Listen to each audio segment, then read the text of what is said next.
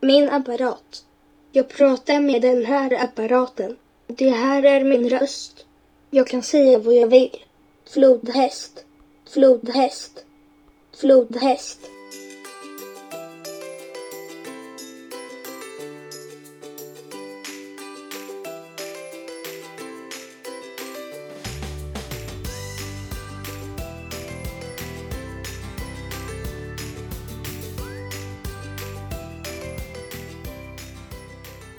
Du lyssnar på det femte avsnittet av Nordlyckans podd med mig Emma. Och idag så gästas jag av Josefin som är mamma till Oskar och mamma till Elias.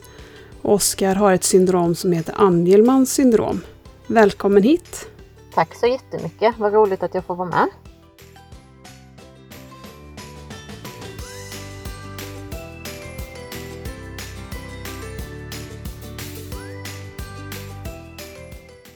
Vilka är det som du har där hemma hos dig? Jag har eh, Oskar med Angelmans syndrom då. Och så har jag lilla Elias som eh, är två år. Och så har vi en, eh, en liten hund, eller ganska stor hund, en golden retriever som heter Charlie som är fem år. Och min sambo Tobias. Det här syndromet som man har, vad kännetecknar det? Det är ju främst motoriska svårigheter. Det är ju en svår funktionsnedsättning. Ja, epilepsi, ostadig gång, inget tal eller få ord. De är väldigt glada, så skrattar väldigt mycket och skrattet är ju inte alltid ett uttryck för glädje utan det kan även vara att någonting gör ont eller att någonting är obehagligt. Men, eh, men skrattet är där ändå. Jag har känt lite att, att jag inte vill fokusera på det utan att men jag ser lite bortom hans diagnos och mer tänker att vi är där vi är och tar oss härifrån. Ehm, vi, har ju, vi är ju inskrivna på HUB sedan han var ett år och vi har ju haft personlig assistans sedan han var tre år. Vi har fått den hjälpen vi, vi har behövt med den diagnosen han har. Hans första läkare var faktiskt väldigt fantastisk och verkligen beskrev att han kommer alltid behöva någon vid sin sida som, som hjälper honom. Att han aldrig kan lämnas ensam och väldigt specifikt skrev ner allt och det har vi alltid fått ta med oss och det har liksom alltid gått igenom.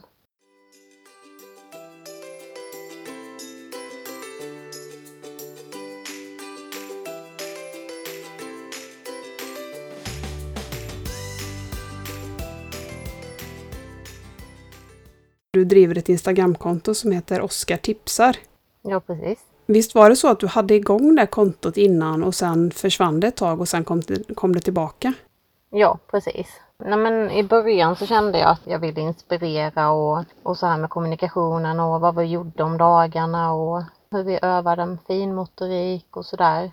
Sen vet jag inte, sen tröttnade väl jag ett tag. Ja, men sen har vi börjat så mycket med kommunikationen igen och, och fått så mycket feedback på det vi gör och om vi inte kan starta upp så att andra kan få följa oss och sådär. Och så kände jag att ja, men det är precis det jag vill. Jag vill ju sprida vidare kommunikationen och, och det vi gör och ja, men inspirera andra till att prova. Så då blev det att jag startade det igen. Vid något tillfälle så skulle jag gå tillbaka och titta på något gammalt klipp. Så blev jag så snopen när det var borttaget. Så jag blev så glad sen när jag såg att, att kontot var igång igen. För det är sånt där konto man kan gå in och, och verkligen inspireras och tänka att men det där kan vi också testa. Ja men vad roligt, för det är precis så jag vill att det ska vara. Och det var lite det jag saknade när, när jag och, och Oskar fick diagnosen. Att jag hittade inget sånt där. Och hur är det, har Oskar något talat språk? Han talar lite grann. Han kan säga mamma, pappa, eh, anka och alltså några små, små få ord som inte är jättetydliga. För Vida har ju inget eh, talat språk alls. Han har haft okay. kanske tiotal ord. Han sa enstavig, alltså han sa om det var boll så sa han bo. Och han sa ofta andra halvan av ordet. Han har ju sin favoritdrake och då sa han Ken. Så mm. man var ju tvungen att försöka förstå vad det var han menade. Eh, men han tappade de orden och det är ju regression och det är ju, ja, det är ju lite typiskt eh, för barn med autism att man kan tappa ord fast man haft dem. Så nu har han inget talat språk alls. Så vi jobbar ju också, försöker jobba med, med bilder istället. Mm. Och det är ju jättebra. Ja, det, när man väl kommer in i det så är det ju faktiskt magiskt. För det blir ju som att han pratar nu. Ja, fast att precis. han inte säger några ord. Och det är så magiskt när man verkligen kan kommunicera med varandra. Han är ganska avancerad också egentligen i sitt språk, även fast han inte har några ord. Att du tänker att han har ett stort ordförråd utan... Jag tänker att han pratar eh, känslor till exempel och han kan säga både att han vill och att han inte vill och han kan småprata och han kan störa och Ja men precis, visst är det häftigt att det finns så mycket att säga utan, utan språket.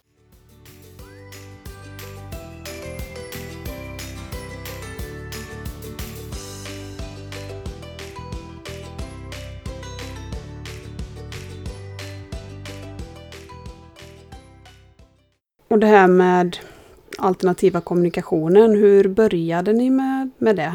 Vi blev ju inskrivna på HUB när Oskar var väldigt liten. Jag tror han var två. Och då fick vi en fantastisk logoped som var väldigt kunnig och som skickade oss vidare till, eh, till en kommunikationskurs som var på väldigt lätt nivå och precis, precis där man börjar med kommunikationen och vad kommunikation är och där började väl vår AKK-resa. För där blev vi så väldigt inspirerade. Oskar hade ju gått på förskola sedan han var ett och eh, jag vet att vi kämpade, eller jag kämpade väldigt mycket där för att han skulle få ha bilder och bildstöd och, och fick höra väldigt mycket om att men man tar bara några bilder i taget och de begränsade Oskar väldigt mycket i, i kommunikationen med bilder, att det var fyra bilder som gällde. Men så gick vi den där kommunikationskursen och då fick vi ju höra hela tiden hur viktigt det var med att bildbada, språkbada och precis som med, med friska barn att man har ju inget stopp på kommunikationen eller språket till friska barn utan man pratar ju hela tiden och ger dem väldigt mycket, med väldigt mycket tal. Och precis likadant ska man, skulle man tänka då med, med barn utan tal, att, att man ska bildbada och använda sig av många bilder. Och när vi började göra det sen så, så blev det ju succé. Vi kom till habiliteringen när Vide var, ja, han var också strax innan han fyllde två år. Och då fick vi också gå en sån kommunikationskurs. Och jag upplevde Okej. också att den kursen var jätte, jättebra. Alltså man är ju ändå inställd kanske på förälder att barnet ska prata och så får man ett barn som man förstår kanske aldrig kommer lära sig att prata. Och då tänker man ju att han inte kan kommunicera för att man sätter ett lika med tecken mellan kommunikation och tal. Ja men precis. Men det var ju den kursen slog ju liksom hål på det, att kommunicera är så mycket mer. Och då fick jag ändå med mig känslan när vi gick därifrån att han kommunicerar ju massor. Med eh, gester och med ljud och så att utan att vi egentligen hade gett honom några verktyg alls så kommunicerade han ju ändå. Bara att han hur? sa inga ord. Så man blev väldigt eh, stärkt i det. Och visst är det häftigt när man har varit, innan man kommer dit så, så tänker man inte så mycket på det och tänker att ja, men det är ingen kommunikation här och så har man va- varit där och så har man, så har man lärt sig så kommer man hem och så ser man verkligen allting med, med, helt, med helt andra ögon och bara men shit vad han kommunicerar. För det vi började med var ju att teckna och använda tecken som stöd. Har ni använt er av det i kombination med bilder eller har det bara varit bilder? Nej, vi har också använt oss av tecken som stöd väldigt mycket.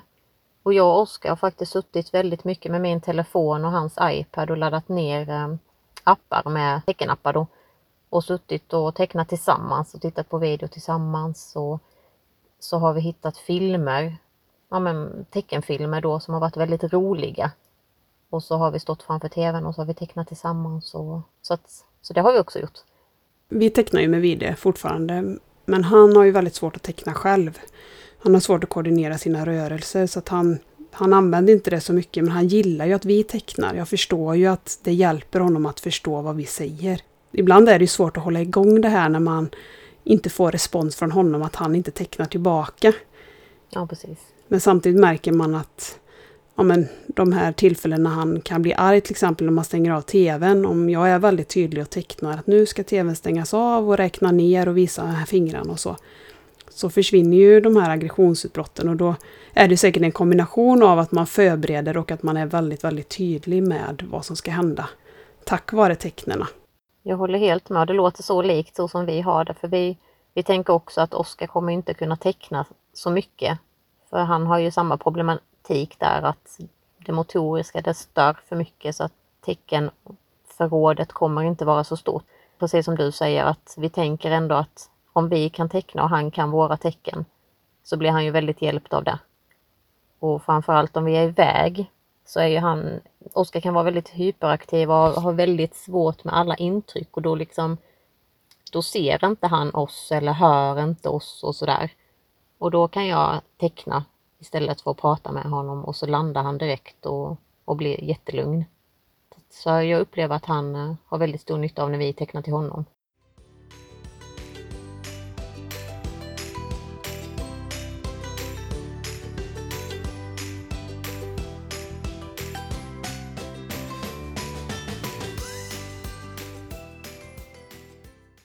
Hur använder eh, ni bilder då till att börja med?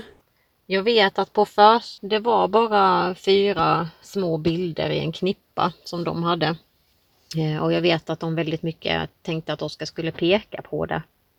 Men hemma jobbade vi helt tvärtom, att han hade väldigt mycket bilder, väldigt mycket situationskartor.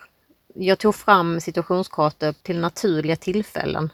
Om Oskar var hos djuren eller ville till djuren så tog jag fram en situationskarta med, med många djur och så vad djuren åt och om Oskar ville göra någonting och, och sådär. Och så modellade jag väldigt mycket och pekade att ja, men kaninen äter så pekade jag ju på, på bilden på kaninen äter.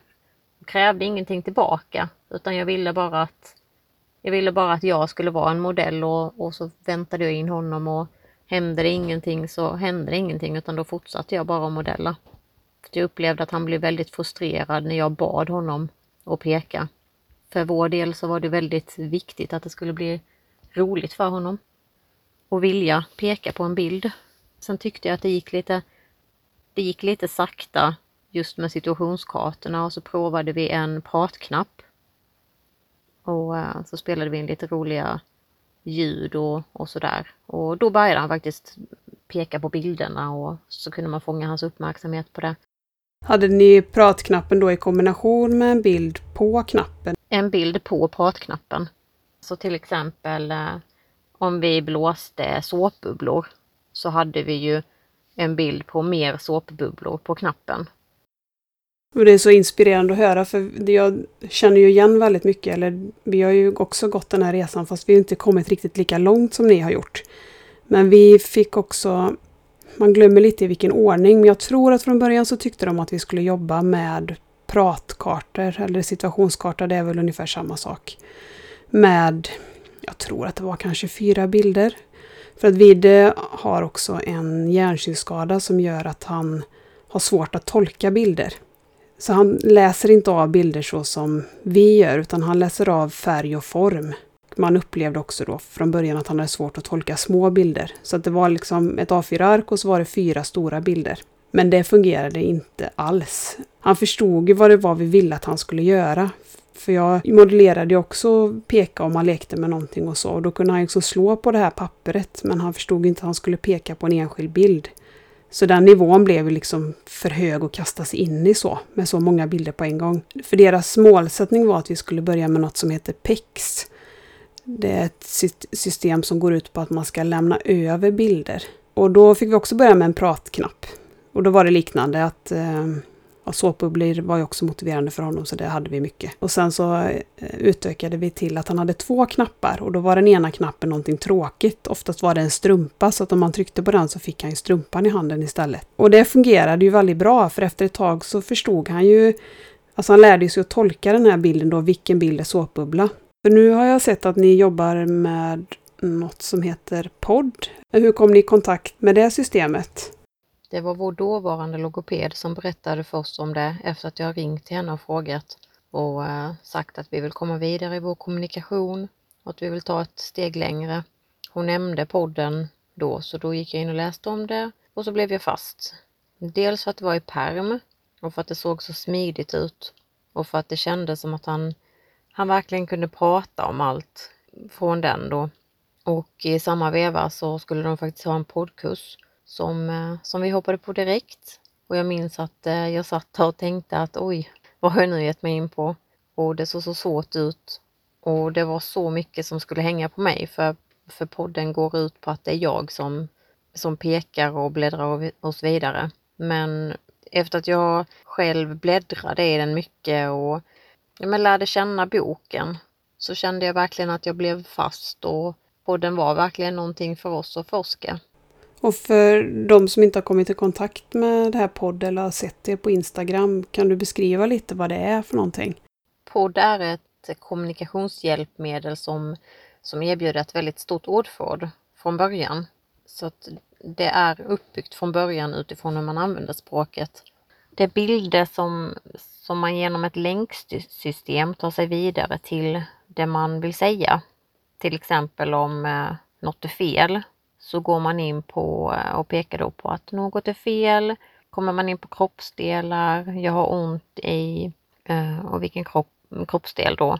Podden är ju uppbyggd för att, för att täcka hela ordförrådet från tidig utveckling till komplett språk och det är verkligen så jag har upplevt också att vi började smått men det gick verkligen att utveckla så enormt och det finns liksom inget stopp. Allting finns i podden. Man har liksom med sig hela ordförrådet hela tiden. Hur är det med det systemet? Går det att prata känslor med det? Ja, men absolut. Det är uppbyggt för att täcka hela ordförrådet och det är verkligen så jag upplever det också. För det tyckte vi var en, en brist i det här PEX som de ville att vi skulle prova då. Som vi var, vi var väl lite tveksamma egentligen från början men för att det går ut på att man ska ha en perm med bilder i som sitter fast med karborre och så ska man ha den permen på en specifik plats, hemma eller på förskolan. Så är tanken då att barnet ska kunna gå fram till permen, bläddra fram vad barnet vill ha, ta bilden och gå till föräldrarna och lämna över. Det är liksom grundtanken då. Men det blir ju mer bara begära, inte så mycket prata. Och dels så har ju vi det svårt att gå, att han skulle kunna fokusera så mycket att han ska gå och hämta en bild i ett rum, gå till ett annat rum och lämna över. Det såg inte vi riktigt att det skulle fungera. Men vi tyckte ändå att det var ett bra sätt att träna kommunikation. För han klarade ju av att begära, ja, men om vi var kanske fem meter bort eller så. Och vi utökade då att man tränade på att eh, han skulle lämna över dem utan att vi gav något uttryck eller vi skulle inte visa förväntan och vi skulle sitta med ryggen till. Så att just för att träna kommunikation var det toppen. Men inte för att kommunicera. För det var väldigt begränsat. Det blev ju mer som en buffé för honom. Det var ju mest saker att äta.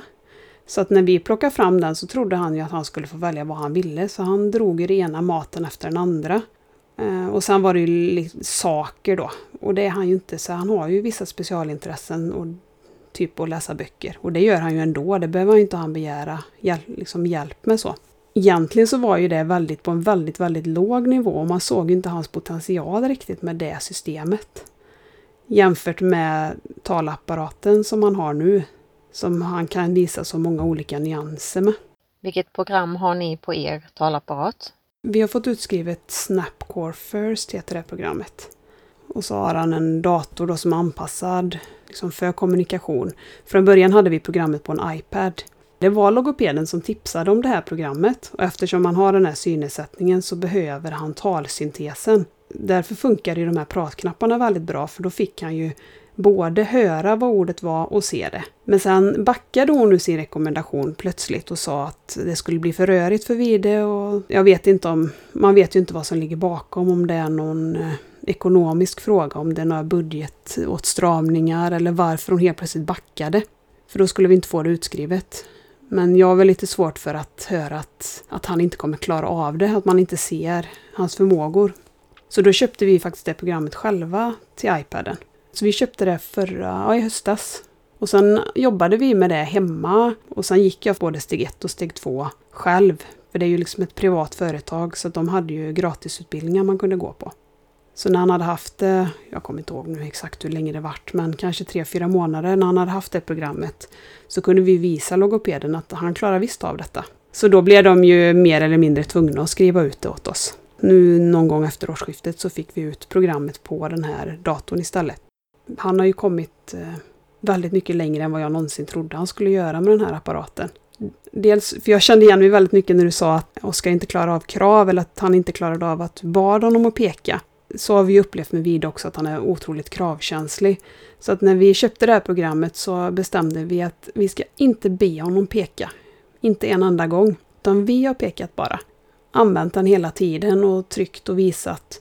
Och sen har han ju blivit nyfiken på den. Så att han har ju suttit och, man ska säga, jollerpratat med talapparaten. Alltså att han har suttit och tryckt sig runt för att hitta. Men nu så, ja, ibland lägger vi ju nya knappar, men han kan ju sin apparat nu, så det är ju egentligen inga tryck som inte är medvetna tryck. Det är väldigt roligt, för just nu trycker han väldigt ofta på flodhäst. Och det är ju roligt när man har gäster då, när han, man sätter sig vid matbordet, så trycker han på flodhäst tre gånger.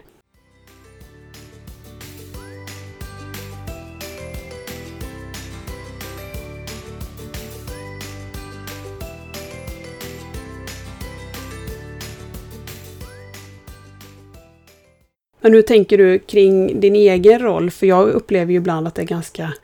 Det tar mycket energi att hela tiden vara den här förebilden för kommunikationen.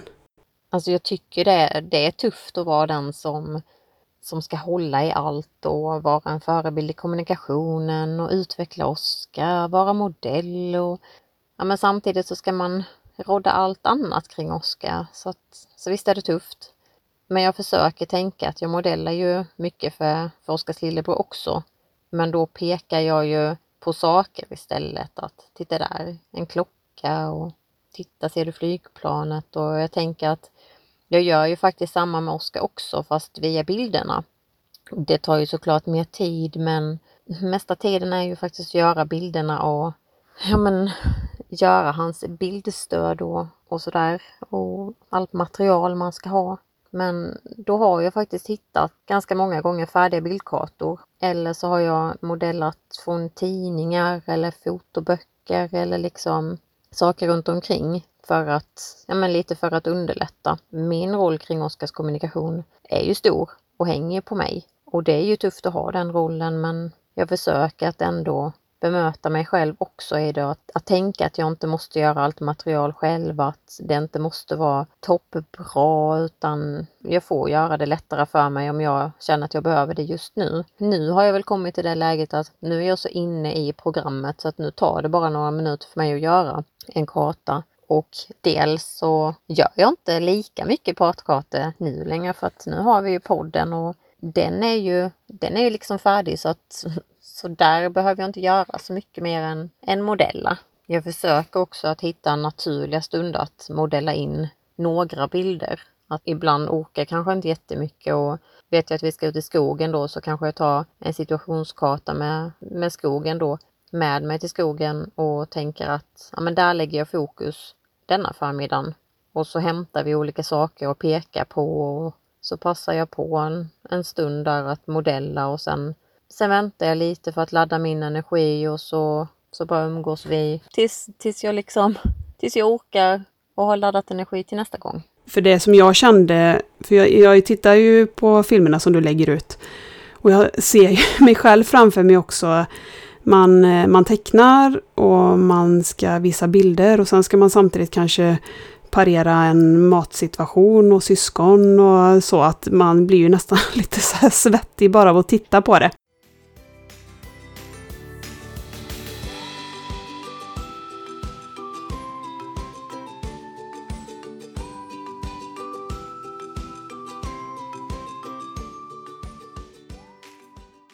Jag såg också att ni eh, hade lagt ut ganska nyss här att ni skulle träna på att prata om något som man inte tycker om.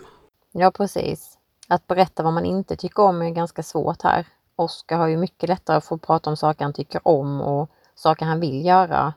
Han är ju för det mesta glad och skrattar ju åt allt och liksom är väldigt positiv och nu har vi börjat med en pratknapp med tycker inte om och trycker där när han inte tycker om något, att vi trycker då också när, när vi inte tycker om någonting, att, ja men då, då pekar vi också där.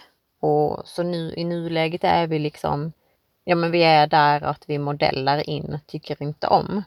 För vid, eh, vid är ju, han är ju absolut eh, glad ofta, men han är också arg väldigt ofta.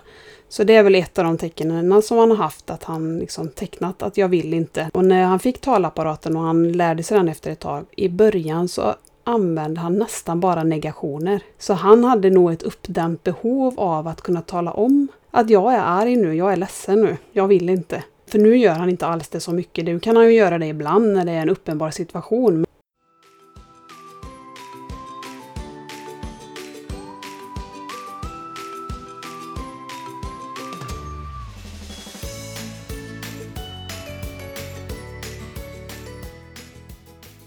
Och det tänkte jag skulle fråga, för vi har ju förstått att Vide använder ju inte samma ordförråd hemma som på förskolan. Hur är det med Oskar?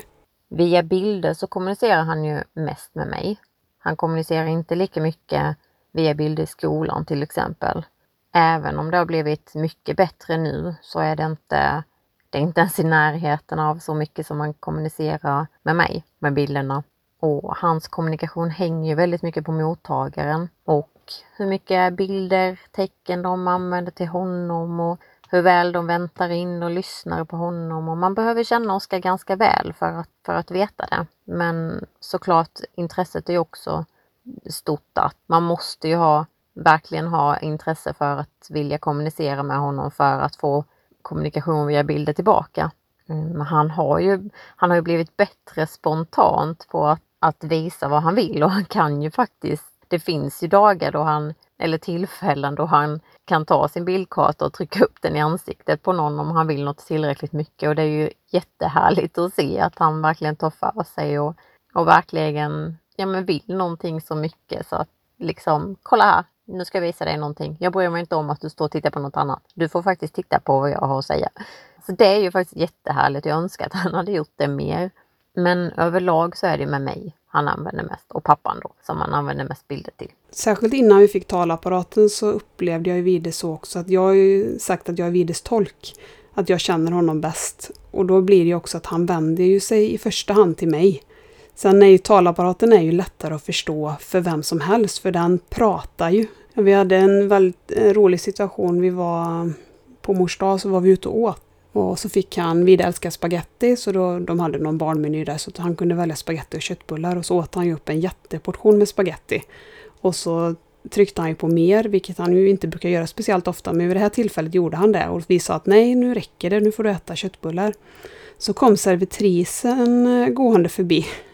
Och då tryckte han på mer, upprepade gånger. Och hon var ju så fantastisk då, för då tittade hon ju på honom och sa att ja, vill du ha mer?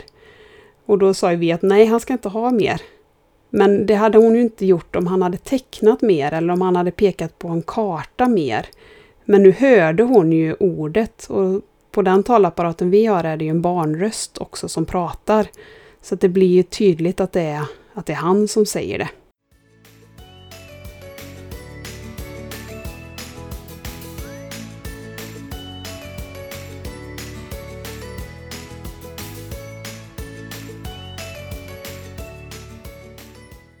Jag gjorde en bildkarta med massor av bilder som jag tryckt upp på en vinylduk som vi har ute på gården. Och den blev succé. Ja, det var ju den jag såg och blev eh, väldigt nyfiken på. För jag tycker det är svårt med de här situationskartorna att veta liksom, vilka ord man ska lägga in. Ja, precis. Jo, men jag håller med om att eh, det är svårt att veta vad man ska lägga in. Men jag tänker också att alla bilder är bättre än inget. Att man, man ska inte behöva vara rädd för att göra fel. Bara, bara man gör någonting. Till exempel i skogen. Vad kan man prata om där? När man gör en musikkarta, vad vill man prata om där? Men det var svårt att komma igång med bilder. Var börjar man? Tänk om det blir fel? Vilka bilder ska jag använda mig av? Och det, var, det var mycket frågetecken men, men efter att ha gått grundkursen i kommunikation så började vi och, och då bildbadade vi verkligen och använde oss av alltså hur mycket bilder som helst och tänkte att hellre att vi använder bilder och gör något fel än att vi inte använder det alls. Men jag tyckte också det var svårt med bilder i början för bara det här ordet bildstöd. Ja, vad menar ni? Vad då bildstöd? Vad ska jag göra med de här papperna? För det är ju det är klart att det är ju ändå en del jobb innan det kanske lossar för vidare. För så är det ju med talet också, eller med tecknen, att man måste göra det många gånger innan han förstår vad det är som förväntas. Men, så man måste ju investera tiden. Ja, när, för nu när du frågar om det här att komma igång med bilder. Alltså det var nog ändå, det var en lite längre startsträcka för mig med det än vad det var med tecknena. Tecknena känns lättare att börja med enstaka ord och utöka. Ja men varför är det så? Alltså varför känns det, varför känns det lättare att börja med tecken och inte bilder? Men jag för, för egen del tror jag att jag aldrig hade kommit i kontakt med det här med bildstöd innan. Liksom teckenspråk hade man ju ändå någon uppfattning om. Kanske var lättare att ta till sig och förstå syftet med det mer än en bild. Ja, för jag var ju föräldraledig med Tuva, då var vi det två, två och ett halvt år. Och då var vi mycket på öppna förskolan och då tecknade jag ju där. För det var också en tröskel att teckna bland folk.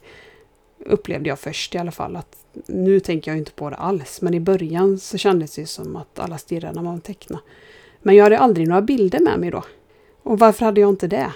Han eh, blev ofta väldigt frustrerad där när vi skulle gå från att vi lekte till att vi skulle gå till sångstunden. Just det här brytet mellan aktiviteter är svårt för honom. Och tänk om jag hade haft med mig bilder och kunnat peka att nu har vi lekt och nu ska vi gå och sjunga. Då kanske det där utbrottet aldrig hade kommit.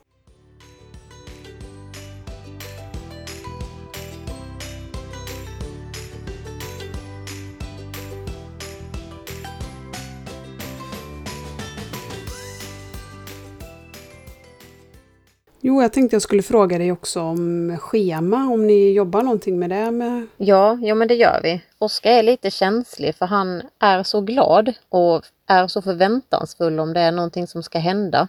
Så om vi använder schema när vi ska iväg, innan vi ska iväg, så resulterar det i att han inte kan äta. Han kan ju till och med kräka av det. Vi använder schema, men vi använder oftast schema om vi har satt oss i bilen och ska någonstans eller om vi är iväg på vilka moment vi ska göra. Schemat står lite för tråkiga saker, tyvärr. Ja, du menar att han blir så uppspelt om man får veta ja. i förväg så att det blir mer negativt än positivt då? Ja, men precis. Vissa gånger har vi inte ens kommit iväg och Oskar äter ju ketogen kost för sin epilepsi. Och där är det ju, man väger ju maten och han måste ju få i sig varenda litet gram av det han äter. Så att vi har sagt att vi ska nog inte Ja, vi har helt enkelt inte använt schema så mycket om vi ska iväg på roliga saker.